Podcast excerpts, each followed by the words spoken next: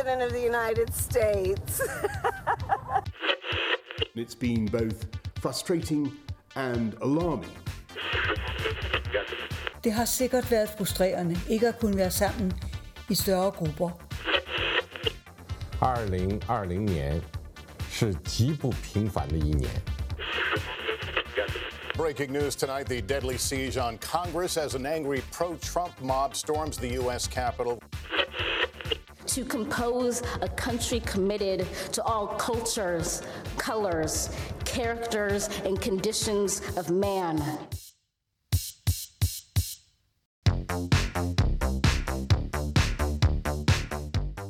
Góðan dag, kæru hlustendur þeir að hlusta á heimskviður. Ég heiti Guðmundur Björn Þorbjörnsson. Og ég heiti Birta Björnsdóttir. Í heimskviðum er fjallaðum það sem gerist ekki á Íslandi.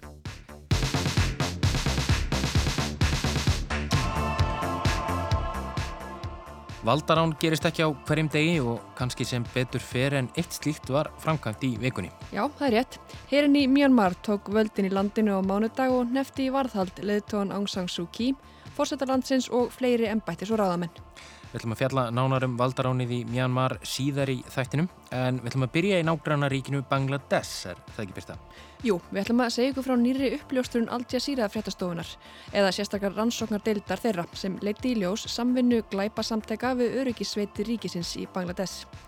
Þetta er bísna áhugaverð saga en aðaleikararnir eru auk fósettisáþurarlandsins fjórir bræður sem eru ímist hátt settir innan hersins í Bangladesh eða ótíndir glæpamenn.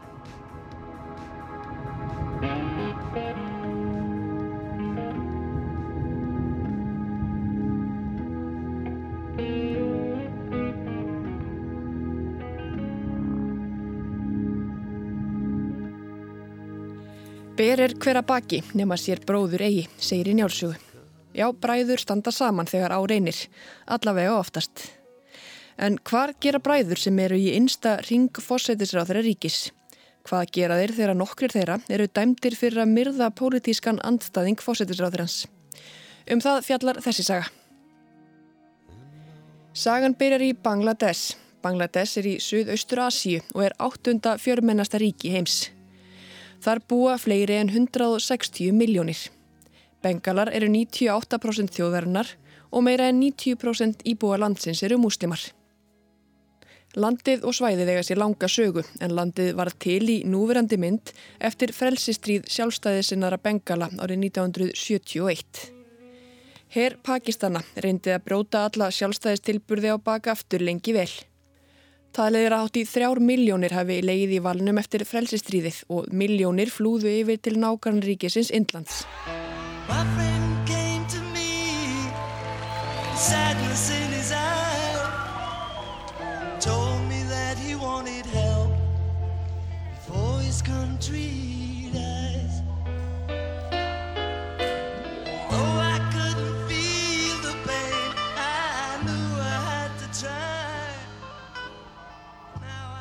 Framganga pakistanska hersins skapaði þeim litlar vinsældir á alþjóðasviðinu og margar af skærustuðu stjórnum þeirra tíma töluðu máli Bengala í sjálfstæðisleitt.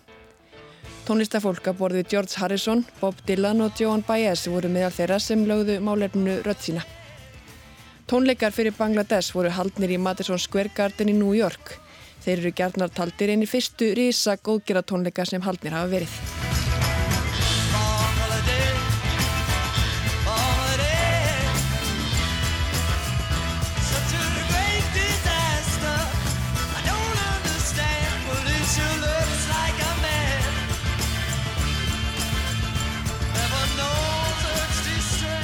Bangladesh söng fyrir um bítillinn George Harrison og áðurnendum tónleikum. Og ríkið Bangladesh varð formlega til með þingræði, þjóðkjörnum, ráðamönnum og stjórnarskrá þar sem megin þemað var jöfnudur, mannleg reist og samfélagslegt jafnrétti. Það gekk á ímsu á áttunda áratögnum hjá nýstofnuðu ríki. Hungursneið, valdarán og einræðistilburðir settu til að mynda mark sitt á söguna. Til að gera langa sögu stutta og komast að því sem við ætlum að vera með til umfyllunar hér varð Sheikh Hasina fósettisráþurra landsins.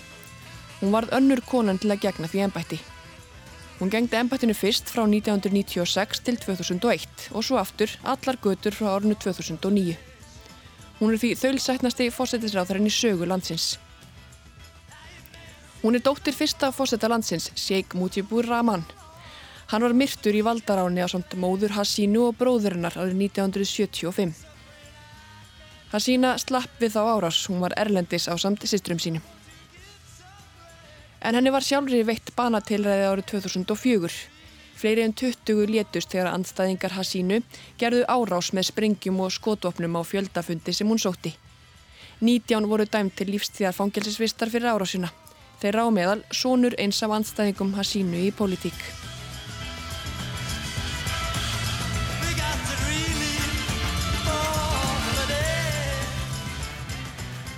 Stjórnatíð Sheikh Hasína og svo sem forvera hennar allra í starfi er efni í heilan heimskuðu þátt og gott betur en það. En það sem til umfyllunar hér eru nýjar upplýsingar um bagtjaldamakk sem tengist fósettisráðurinn. Þessi saga skrifaði sig ekki sjálf. Hún er afrakstur þrótlausar vinnu rannsóknarblaðamanna hjá Al Jazeera, deildar sem kallast I-Unit, Investigative Unit. Fréttaskýring þeirra sem byrt var fyrir vikunni ber yfirskriftina All the Prime Minister's Men, allir menn fósettisráðurins.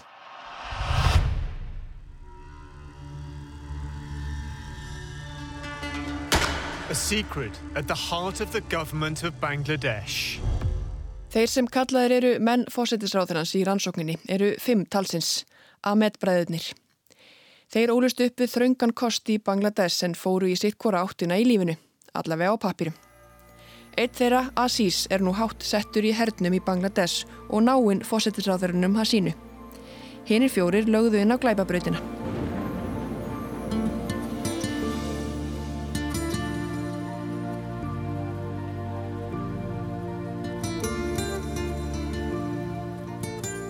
Fjórir bræðrana eru enn á lífi. Sá 50 Tipu var skotin til bana árið 1999. Anis Haris og Jósef Ahmed unnu fyrir sig með gjörðum sem ekki þóla dagsljósið. Í uppvexti bræðrana var það ekki ókunna að glæpa klíkur og pólitíkusar ættu í samkrölli, gættu hagsmuna hvers annars. Sumurinu skítverkin, aðrir tryggðu stöðu þeirra á móti, allir græða. Fyrir því voru fjölmörg fordæmi.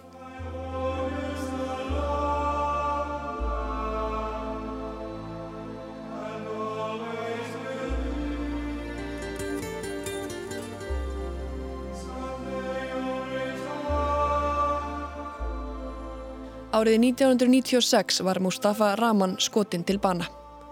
Mustafa Rahman var sagður hafa haft tengslið stjórnarandstöðu reyfingu sem talnir hafa staðið á bakvið morðið á fjölskyldu fósettasráþurans Hasína rúmum tveimum áratugum fyrr. Hann var skotin í húsasundi á samt tveimur öðrum og fluttur hel særður á sjúkrahús. Þar gaf hann lögreglu vittnisspurð, segir bræðurna Anis, Haris og Josef Hamed hafa skotið sig samtals nýju sinnum. Fimm dögum síðar var Mustafa Rahman allur en vittnisspurður hans sá sem saksóknari byggði málsokk gegn bræðrunum á. Bræðurni þrýr, Anis, Haris og Josef Ahmed voru ákjærðir og síðar dæmdir fyrir morðið á Mustafa Rahman.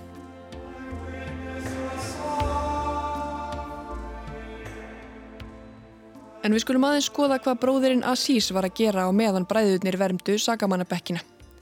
Ári áður en Mustafa Rahman var skotin árið 1995 varð Aziz Ahmed lífvörður Sheikh Hasínu. Nú verður ekkert lagt mat á tímalínuna sem hér er stilt upp, þetta er einungis upptalning á staðreindum. Sem sagt, Aziz verður lífvörður Sheikh Hasína árið 1995. Ári síðar er maður, Mustafa Rahman, sem talin er andstæðingur stjórnmálaflokks Hasínu myrtur. Bræður lífvarðarins Aziz eru ákærðir fyrir morðið. Mánuð eftir að Mustafa Rahman var skotin til bana varð Hasína nýr fósettisræðra Bangladesh í fyrsta sinn.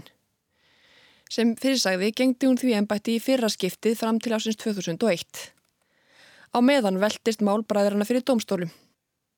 Sheikh Hasína var ekki lengur fósettisræðra þegar loksins fegst niðurstaða í málið. Bræðurnir Anis og Haris voru dæmdir til lífstíðafangilsvistar fyrir aðeldamorðinu. Þriði bróðurinn Jósef var dæmdur til dauða. Til þess kom þó ekki. Dómi hans var síðan breytt í lífstíðadóm. Sheikh Hasína varð aftur fósittisráðara Bangladesh árið 2009. 11 árum síðar, árið 2018, varð lífstíðafangin Jósef Ahmed náðaður og gengur nú frjáls ferða sinna. Það ger reyndar Anis og Haris sömu leiðis, þrátt fyrir að hafa verið dæmdir í lífstíðafangilsi árið 2001. Þeir virtust ekki áhuga samur um afplánun og stungu af úr landi. Sér fróð segja slíkt ill mögulegt nefn að vera vel tengturinn í stjórnkerfið. En látum það leggja á milli hluta.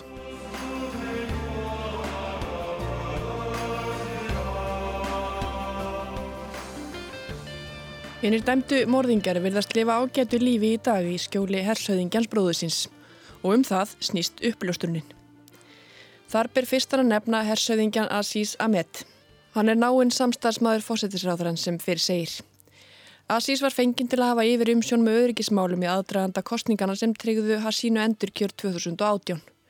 Hún var gert að halda mótmælum og stjórnarandstöðu í hæfilegum skefjum, halda þessu öllunan skynnsemismarka. Hvort sem það er honum að þakka eður einn þá varð hún fósittisrað þeirra aftur. Og þá stóð líklega til að launa treyðina. Aziz dröstlaðist auðvitað um með morðdæmdu bræðuna á ferilskáni. Eitthvað sem margir myndu eflust úrskurða sem kuska á kvítflipan. Það var þá sem Jósef var náðaður og mánuði síðar varð stóðurbróðurinn hækkaður í tign. Hann gegnir nú ennbætti herraðsfóringa í Bangladesh. Herin í Bangladesh spila nokkuð stort hlutverk í stjórnkerfinu og samfélaginu öllu. Tengsl hátt settra ráðamanna í hernumum og þölsætnasta fósettisráðarans í sögurlandsins, Sheikh Hasina, ættu því kannski ekki að koma á óvart. Og eins og hjá mörgum tiltölulega nýjum ríkjum þrýfst spilling viða í stjórnkerfinu.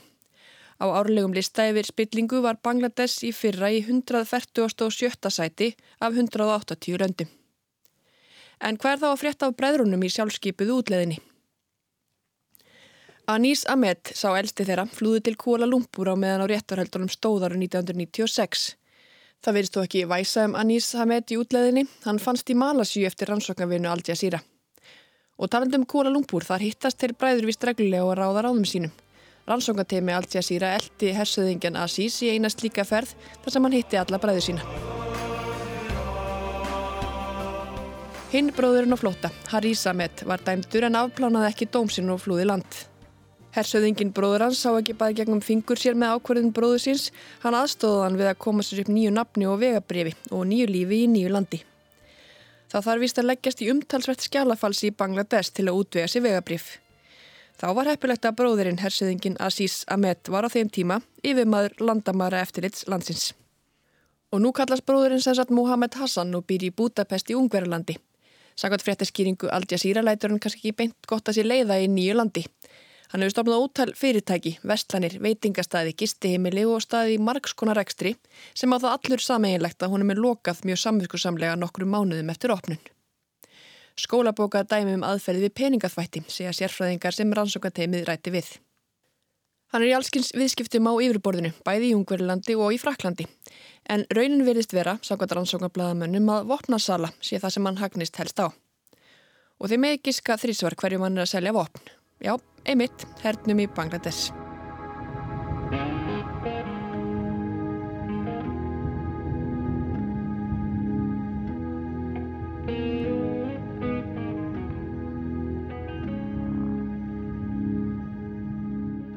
Uppljósturinn Al Jazeera leiðir einni í ljós að bræðurnir hafa millegöngu um að stjórnvöldi í Bangladesh kaupa njóstnabúnað af Ísrael. Þjóð sem þeir eiga í engum ofinberum viðskiptum við. Engir viðskiptarsamningar eru gildi millir Bangladesh og Ísrael.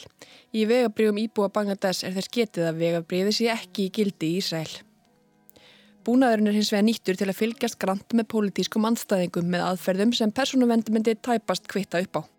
Meðal annars með því að hakka sig inn í og afrita farsímagögn þeirra sem þau vilja fylgjast með. Uppljósturinn allir menn fósettisráþurans sínir viðskipti sem ekki þóla dagsljósið. Viðskiptin eru framkvæmt annað hvort af þeim sem öllur á það eða með þeirra vitnesku.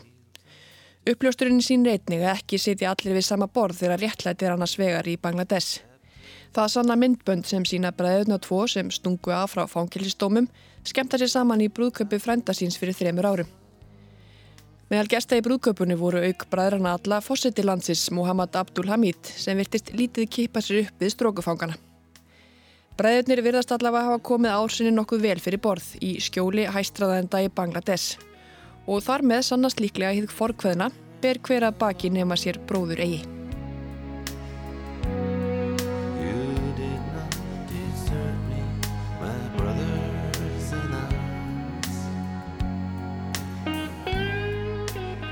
En Birta, hefur þessi uppljóstrun einhver eftirmála? Já, það er allavega eitthvað að gerast. Saminuði þjóðarnar hafa núna farið fram á ítalega rannsókn á spillingu í landinu eftir þessu uppljóstrun og vilja líka að þessi viðskipti með ólöglega njósnabúnaðin frá Ísrael verði rannsökuð. Og það er því spurning hvernig stemningin verður á fundi sem á að fara fram í næstu viku þegar að herfóringja bróðurinn Aziz Ahmed á bókaðan fund hjá Saminuði þjóðunum í New York. Og við fylgjumst með því en nú ætlum við að halda okkur á svipum slóðum eða eiginlega bara sumu slóðum. Við ætlum að fegur okkur nokkur skref yfir til nágrannaríkisins Myanmar. Já, þessi nágrannaríki eiga margt sammeilegt og margt reyndar ekki. En eitt af því sem þau eiga sammeilegt eru málefni róhingja. Já, róhingjar rata öðru hverju í frettir og það sjálfnast af góðu undanfærið allavega. Síðustu ár hefur mikill fjöldi þeirra flúið frá Myanmar yfir til Bangladesh, bæði til að flýja átök en ekki síður vegna harðræðis og ofsókna af hendi hersins í Myanmar. En hverjir eru róhingjar? Já, þeir eru einn þessara þjóða án lands, ef svo má segja. Róhingjar telja um miljón og reykja sögu sína allt aftur á 12. öld á svæði þar sem að nú er Myanmar. Það eru ímis líkindi með róhingjum og íbúum í héræðinni Sittagong í Bangladesh sem helgast með annars að því að það voru brettar sem ákvaði á sínum tíma hvar landamæri Myanmar og Bangladesh ættu að liggja. Og við veitum nú öll hvað það er alltaf góð hugmynd þegar fjarlagar þjóðir teikna upp landamæri á korti án þess að þekkja almenlega til þeirra sem þar búa. Emitt, eða heit og heldur. Og það hefur ekki verið mikil sæluvist fyrir róhingja í Myanmar, sérstaklega ekki síðan landið öðlaðist sjálfstæði árið 1948, en þá kallaðist landið reyndar Burma. Og enn þann dag í dag óttast róhingjar um stöði sína. Þeir hafa flúið hundruðum þúsundar saman frá Myanmar og yfir til Bangladesh undanfæri náru vegna ofsókna heimafyrir. Og ekki urðu þeir vongóðari um hamingiríkja heimkomu þegar herin gerði valdarán í Myanmar á mánudag.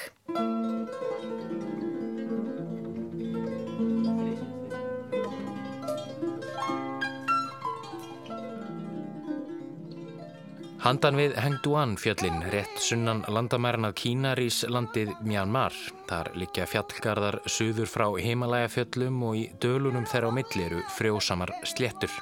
Þar búa ríflega 55 miljónir, þar af fjórir í stærstu borg landsins Yangon sem stendur við mót Bagár og Yangonar skamt frá Martaban flóa í Andamanhafi. Yangon var áður höfuðborg landsins en Naypyidaw eða höfðingjaborg var árið 2005 gerðað höfuðborg og aðsetri stjórnsýslu landsins. Yangon er eftir sem áður þungamiðja landsins.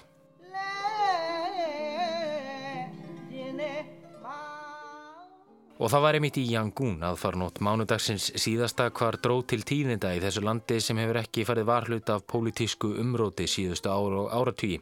Þann 1. februar stóð til að mjánmarska þingið erði sett en kostningar fóru fram í landinu í november. Þar sem NLD-flokkurinn eða líðræðislega þjóðardeildin hlaut yfirbröða kostningu eða 80% atkvaða. En það var ekki. Í skjóli nætur handtóku hermenn mjánmarska hersins, helstu þingmenn og leðtóa flokksins, þar á meðal Aung San Suu Kyi, stopnandaflokksins og valdamestu konu landsins. Hún gegnir hlutverki svo kallaðas ríkisráðgjafa en samkvæmt stjórnarskrá má hún ekki gegna fórseta eða fórsetis ráðarembætti þar sem hún á börn með útlendingi. Einmitt og það ákveðið, það var sett, sérstaklega inn í stjórnarskrána til að koma einmitt í veg fyrir að hún er í fórseti eða fórsetisráðura, ekki satt? Jú, eins og diggir hlustendur heimskauða muna kannski þá fjalluði ítalega um Aung San Suu Kyi í áslokk 2019 en þá hafiði hún staðið í ströngu þar sem Myanmar og þá sérilagi Myanmarski herin var gefið að sög að hafa framið þjóðarmórð og þjóðverðnis hreinsanir á róhingjum sem við rættum um hér áðan í Rakín hér að í vesturhluta landsins skamt frá landamærunum af Bangladesh. Já og kannski áður við höldum lengra í umfjöldun okkar um atbyrðir í þennan viku í Myanmar e, þá er rétt að spurja hvernig fór þetta mál allt saman? Þetta var tekið fyrir í alþjóðadómstólum í Hagar, það ekki? Jú, uh, máli var reikið af stjórnvöldum í Gambi fyrir hönd samtakara íslamskara ríkja sem ásökuðu stjórnvöldi Myanmar um þessi þjóðamorð og þjóðaritnis reynsanir. Um eitt síðasta ár komst dómstólinn svo að þeirri niðurstöðu að stjórnvöldum í Myanmar veri skilt að gera allt sem í þeirra valdi stæði til að vernda róhingja og koma í veg fyrir að herin fremdi þjóðarmorð. Þannig að Aung San Suu Kyi var aldrei ákjærð fyrir þetta? Nei, en það var tölvert áfall fyrir marga að sjá hann að halda uppi vörnum fyrir sig og herin því að hún er náttúrulega þekkt sem frelsis hetja. Á 8. og 9. áratögnum hafði hún verið í námi í Oxford Háskóla Englandi en haldið til heimalandsins til að sjá um aldraða móður sína og þá var óanæja almenningskakvært herfóringastjórn landsins eh, að færast í aukana og Aung San Suu Kyi stökk á þann vagn og stopnaði stjórnmálflokkin NLD. Árið 1990 vann svo þessi flokkur stórsigur í almennum þingkostningum en herfóringastjórnin virti niðurstöður kostningana vettu í og setti Aung San Suu Kyi í stofufangilsi. Sama ár voru henni veitt freyðarvelur Nobels fyrir baráttu sína fyrir líðræðslum umbótum og mannreittindum í heimalandinu. Skilmálar stofufangilsisins voru á þáleið að Aung San Suu Kyi mætti yfirgefa landið en aðeins á þeim fórsendum að hún snýri aldrei tilbaka. Og það búið þáð hún ekki. Nei, og til að gera langasögu stutta var hún í stofufangilsi í 15 ára á 21 ás tímabili. Alþjóðarsamfélagið fordæmdi nöðungavistun hennar og setti þrýsting á stjórnvöld að sleppa henni í lausri. Það hafiðist loks árið 2010 og var hún þá frjáls ferða sinna. Í kjálfæri var viðskiptafingunum aflétt og Mjanmar tók við sér aftur á alþjóðavettvangi og árið 2012 var hún kosin á þing og 2015 þá vann flokkur hennar stórsigur í kostningunum. En eins og við rættum um í fyrri umfjöldun okkar um Aung San Suu Kyi þá er sambandi millir stjórnvalda og hersins í landinu mjög styrt og mjög flókið. Herin hefur alltaf haft töluverð völd, hann hefur til dæmis ákveðin örugan fjölda þingsæta eða flokkur hersins á þinginu. Og það er raun varið í stjórnarskrá. Og hún Aung San Suu Kyi er í raun ekki yfirmaður hersins og við verðum að hafa í huga að það var náttúrulega herin sjálfur sem held henni í stofufangis í öll þess ár og svo hún allt einu sjálf farin að verja aðgerir hersins í Rakínheraði fyrir domstólum í hagi fyrra. Þetta er mjög flókið samband, já. Já, en þú talar um að flokkur hersins eigir ákveðin þingsæti tryggði í hverjum kostningum, er ekki um fjórðungur held í eitthvað sluðis, en hann vil væntalega eins og aðri stjórnmálflokkar auka við það fylgir, það ekki? Jú, og í kostningunum í november uh, þá fekk flokkurinn aðeins 33 þingsæti af 476, en NLD-flokkurinn, flokkur Aung San Suu Kyi, heil 396 Eh, þingsæti, þess að 80% þingsæta, þetta er alveg rosalega tölur og, og þá víkur einmitt sögunni til dagsins í dag, það var vitað mál að aðstumenn í hernum væru ekki ánæður með úslitt kostningana og heldur þið fram að bráð hefði verið í tabli. Þannig að valdarán var alltaf möguleiki og það kom á þeim. Í án svo dæmur að mér mann eginn og mjóðan kakku í hér lögjum í gánsi í sívíku. Þegar ég munið bæma eginn og dæmur að einn og maður tjempa pílópaði sívíku. Hér heyru við eh, herin ávarpa landsmenn á sérstakri sjómaðstöðu hersins aðfaranótt eh, mánudags eh, og í þessu ávarpi þá kemur fram að herin muni fara með völd í landinu næsta árið og neyðarlög þegar þetta ekki gildi og að hersöðingin Ming Aung Hyang sé nú alráður í landinu. Og íbúa landsins voru náttúrulega mjög óttaslegnir og þeim brúðið við þessar fregnir. Breska ríkisútarpið BBC rætti við ungan mann að nafni Antoni Ong í gær og hann sagði að þessar fregnir hefði verið mikið áfall. We were just shocked when we heard the news because we thought that, you know, times have changed and that a coup like this wouldn't happen, but we were wrong. We were very proud of our young emerging democracy. Við heldum að þetta gæti ekki gerst, segir hann, en við höfum rámt fyrir okkur og við vorum stolt af okkar ungu líðræðishæð og litum framtíðina björnstum augum, segir hann enn fremur. We thought the future was gonna be bright. Og undir það tók ung kona að nafni Kinley Ne sem lýsir atbyrðum síðustu daga þannig að þeir séu margtröð líkastir. This, this is just a nightmare for us. We are very devastated and uh, we feel like um, it's very helpless. Þannig að það er mikill ótti í íbúum landsins en hafa þeir eitthvað mótmælt þessu valdaráni? Já, merkilegt nokk, það hafa verið mótmæli en þau eru mjög hófstilt. Fólk ber potta og pönnur líkt og í búsáhaldabildingunni en það er lítið um hópamyndanir. Í gerðmorgun þá mótmæltur endar um 200 kennarar og nefnendur fyrir utan háskólan í Yangon. Mótmælendur báru margir rauð, armbönd eða fána í enginneslit flokks Aung San Suu Kyi, NLD. En sá sem kvatti til þeirra mótmæla er einn af helstu ráðgjöfum hennar, Vin Tein heitir hann. Hann var svo handtekinn emitt í gerðmorgun. En þú saðir einni upphafið að Aung San Suu Kyi hefði verið meðal þeirra sem voru tekin höndum að fara nott mánudags. Hefur eitthvað spurst til hennar og hinna sem voru handtekinn? Nei, í raunin ekki. Það er raunin ekkit vitað hvar hún er. Hún var formlega ákerð svo af hernum á miðvíkudag fyrir að hafa brotið fjarskiptalög. Þetta er eitthvað sem í raunin er mjög öðvöld að sjá í gegnum. Herrfóringastjórnirinn er veriðist allavega verið að búa sér til ástæði til að koma henni aftur í fangelsi og er að reyna að gera það löglega innan gesalappa. Já og talandu um fjarskipti, herin hefur nú passað upp og fólk í landinu get ekki haft samband við umheiminn, er það ekki? Jú, uh, netsamband í landinu er nú af skortnum skamti og það var meðal annars lokað fyrir Facebook í landinu alveg en Facebook er sá miðill sem langflestir íbúa landsins notað til að afla sér upplýsinga á frétta. Og alþjóðarsamfélagið hefur miklar áhyggjur af þessu, þar á meðal öryggisráð saminuð þjóðana. Barbara Útvort, fórseti öryggisráðsins, listi því yfir á blaðamannafundi í gerðmorgun. The members of the Security Council expressed deep concern at the declaration of the state of emergency imposed in Myanmar by the military on the 1st of February and the arbitrary detention of members of the government. Hún bætti því við að það væri krafa öryggisráðsins að öll þau sem herin tók höndum verði látin laus umsvefa laust og mikilvægt sé að líðræð og mannréttindi sé ekki virtað vettu í landinu.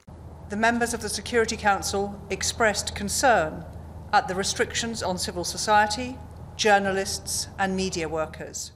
Þá hafi öryggisraðið einnig þungar áhyggjur af þeim hömlum sem herin hefur sett á tjáningarfrelsi og þau krefast þess að mannúðarastóð fá áfram að streyma óhindruð inn í landið. Og svo eru þetta einhverjar getgátur upp um það að kynverjar hafa eitthvað nátt komið að þessu valdaráni, er það ekki rétt? Jú, sko að þeim fimm ríkjum sem hafa neitunarvald í öryggisraði saminuði þjóðana, Rúsland, Bandaríkin, Frakland, Breitland og Kína, þá hafa einmitt Kína og Rúsland áður stutt við bakið á mjönmarska hernum árið 2017 Þá komu kýmverjar og rússar í veg fyrir það að öryggisraðið myndi grípa til refseagerða gegn landinu vegna aðgerða hersins í Rakínheraði sem varði mitt til þess að 700.000 róhingjar flúði yfir landamærin til Bangladesh. Talsmaður kínverska auðverkisraðanitisins Wang Wenbing, hann svaraði þeim ásökunum í gerðmorgunum að kínverjar hefði eitthvað með valdaránið að gera og vísaði þeim efallega bara á bög. Og svo bætti hann því við að þjóðir heimsætt að fara varlega að skipta sér að innri málefnum Mjanmar og það þurfu alltaf að hafa hagsmunni íbúa landsins að leiðaljósi.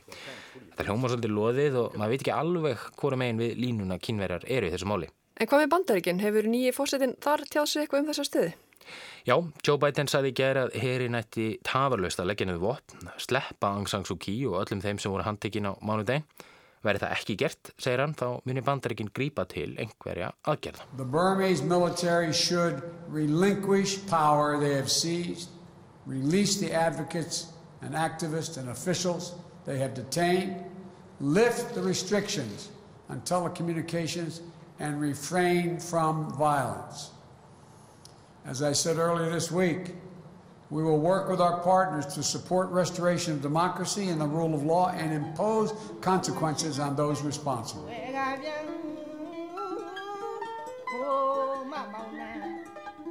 Við munum að sjálfsögðu fylgjast náið með þróun mála í Mjanmar á öllum okkar miðlum næstu daga. Já, það er ljóst að þessu valdaráni fylgja einhverjar afleðingar, hvort að það er komi versti niður á íbúum landsins skal ósattlátið, en það er vissulega það sem það er óttast og hvað verður um Aung San Suu Kyi, það veitir raun engin. En heimskuður verða ekki fleiri þessa vikuna? Þennan þáttu alla hinna má hlusta á í spilarnum á rúf og öllum helstu hlaðvarpsveitum. En við þökkum þeim sem hlýtu. Og heyrumst aftur í næstu viku.